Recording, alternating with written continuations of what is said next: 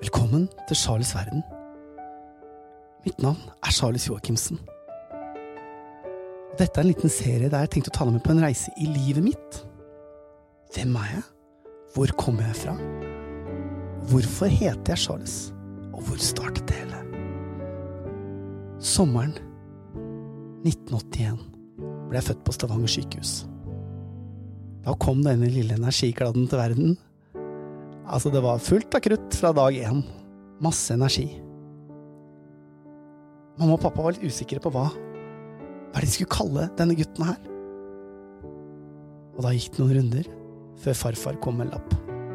Og på den lappen så sto det S-J-A-R-L-I-S. Mamma så på farfar, og så sier han ja, Charles, det kan han hete. Så derfor fikk jeg navnet Charles. Ikke noe mer komplisert enn som så. Navnet har gitt meg mange fordeler i livet, og noen ulemper. Det er ikke så mange som heter det, så det er veldig fort gjort å peke ut hvem syndebukken er, eller hvem som har gjort det, eller hvem som klarte det, eller hvem som gjorde det. Det var en rolig barndom. Helt normal, som alle andre. Gikk i barnehagen, jeg lekte, jeg fikk nye venner.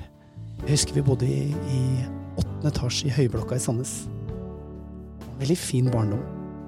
Jeg hadde mamma og pappa helt aleine. Jeg var så heldig. Inntil en dag så kom mamma til meg, så sier hun Charles, nå får du en lillesøster. Ja, jeg kjente. Skjer det? Er det sant? Jeg var ikke gamle gutten. Jeg var fire år. Fire. Da fikk jeg en lillesøster. Det var første gang jeg kjente at nå vokste jeg litt. Jeg måtte ta vare på lillesøster. Selvfølgelig så krangla vi, og vi erta hverandre, og vi lo, og vi gråt.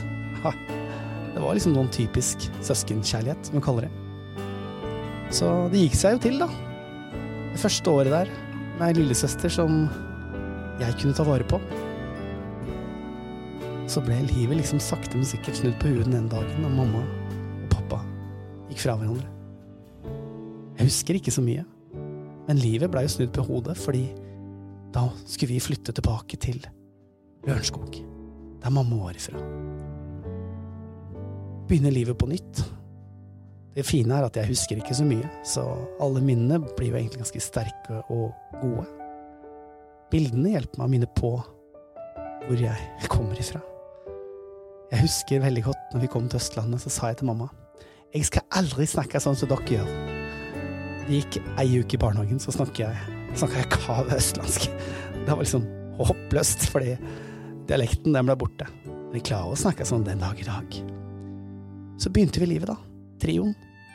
Og med helgebesøk hos pappa.